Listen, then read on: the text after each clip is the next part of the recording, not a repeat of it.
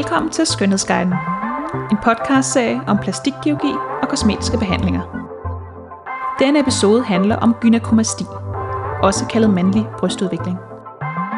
Vi skal tale om, hvorfor nogle mænd udvikler bryster, og hvad man kan gøre ved det. Og til at hjælpe os med at blive klogere på denne operation, har jeg vores plastikkirurg, Bo Sonic Rasmussen, med mig i studiet. Ham får du lige en præsentation af her, og så er vi i gang.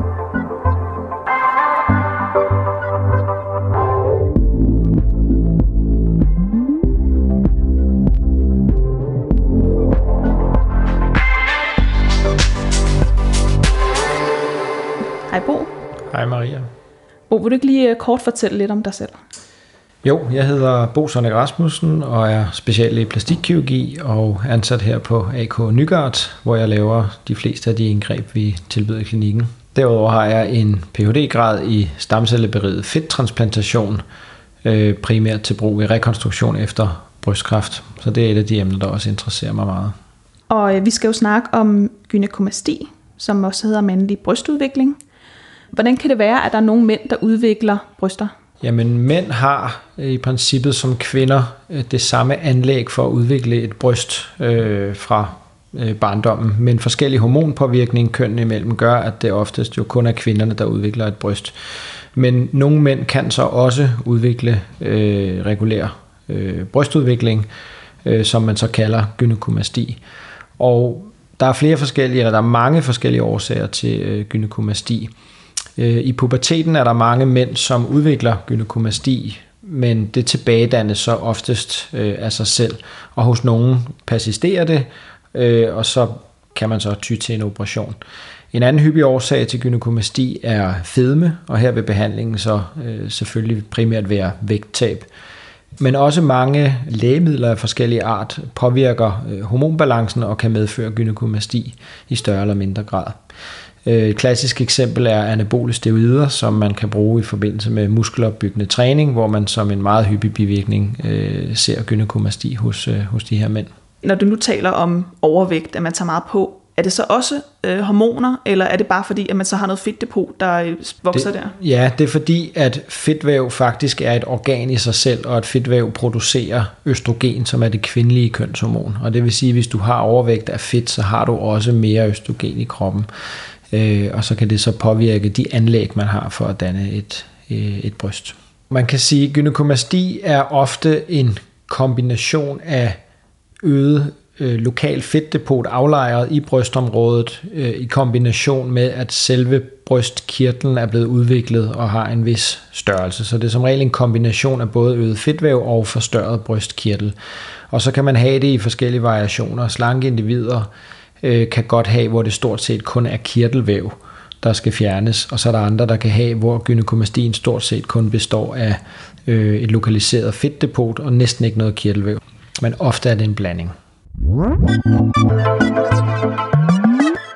Er der en forskel, når vi nu taler om de her to typer gynekomasti, er der en forskel i den måde, man så øh, foretager operationen på, når man skal behandle det? Ja, det er der lipomasti eller den her lokale fedtaflejring behandles helt klart bedst med en fedtsugning, hvor man simpelthen ved helt almindelig teknik fedtsuger brystområdet. Mm. Man kan til gengæld ikke fedtsuge regulær brystkirtelvæv ud med en fedtsugningskanyle, så derfor så bliver man nødt til at fjerne den del af gynekomastien ved en kirurgisk excision, altså hvor man simpelthen må lave en lille åbning og så øh, fridissekere eller skære kirtellæmet ud. Og i mange tilfælde får man det langt bedste resultat, hvis man kombinerer fedtsugning med kirurgisk kirtelekstipation. Okay, er det sådan noget, du, du som kirurg kan mærke eller se inden øh, operationen, om det er det ene eller det andet, det drejer sig om? Ja, det kan man godt se, for man kan ligesom mærke og fornemme, når man undersøger patienten, og det er selvfølgelig også derfor, det er meget vigtigt, at man kommer til en forundersøgelse og får en grundig vurdering hos en, der ved, hvad det går ud på.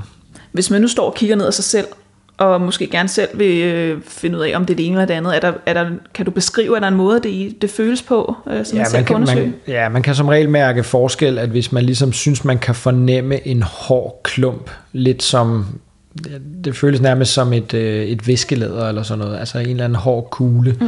øh, inde bag brystvorten så, øh, så er det kirtellæmet, man kan mærke. Hvis det derimod mærkes sådan relativt blødt, ligesom det fedt, man har mm. på maven eller andre steder, så er det primært fedt, det består af. Så det kan man godt mærke. Okay. Nu taler du om de her to forskellige typer operationer, alt efter om det er det ene eller det andet man, øh, type mandlig brystudvikling, man har. Øh, er der en forskel på de ar, man får efterfølgende? Ja, hvis man kan nøjes med kun at fedtsuge, det sjældent, man kan nøjes med det, men hvis man kun nøjes med fedtsugningen, så får man et til to små indgangsporte lige nede under brystet, og det ene sidder lidt ude under armen.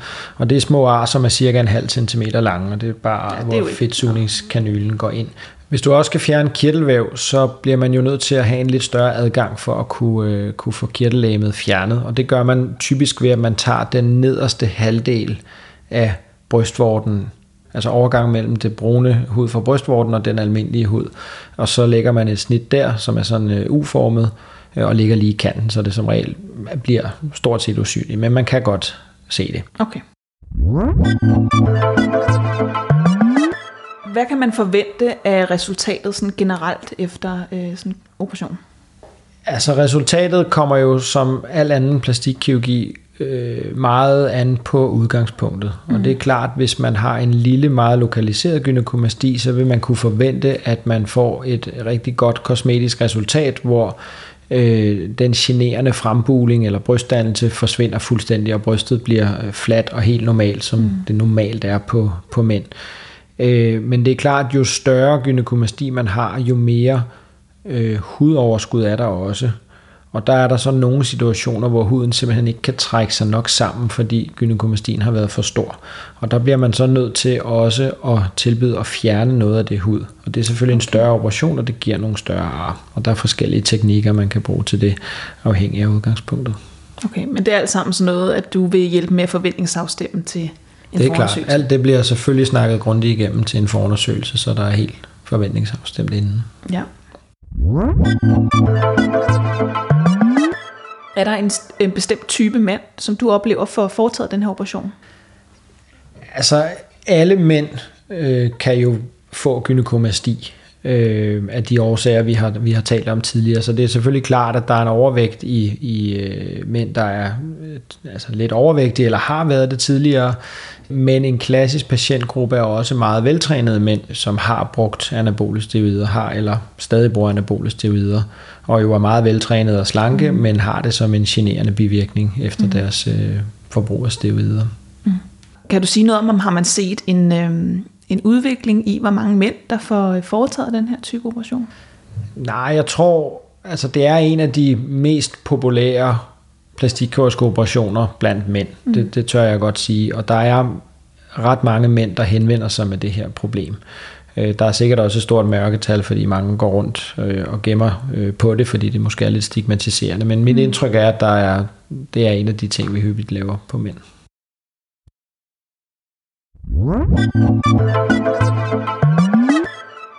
Inden vi slutter helt af, Bo, så ved jeg, at du har en lille ekstra sikkerhedsoplysning, der er vigtig at få med. Jeg synes, det, det er vigtigt lige at, at få med, at om end det er meget, meget sjældent, så kan knuder i testiklerne, altså kraftknuder eller øh, mandlig brystkræft også vise sig ved, ved gynekomasti eller hævelse af, af et eller begge øh, bryster hos mænd.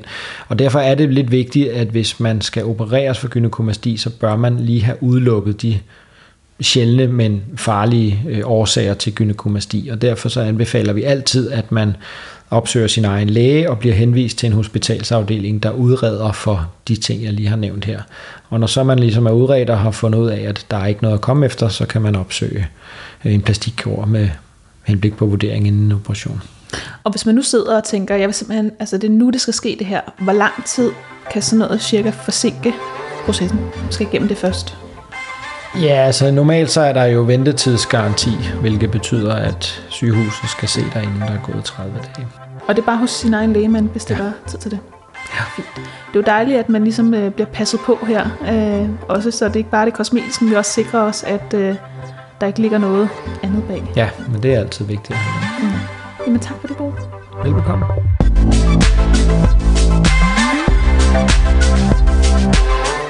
Du lyttede med til denne episode af Skønhedsguiden, der handlede om gynekomasti. Du kan læse meget mere om operationen inde på vores hjemmeside www.aknygaard.dk Og hvis du har nogle spørgsmål eller gerne vil booke en forundersøgelse, så er du meget velkommen til at ringe til os på 70 27 57 57. Vi lyttes ved.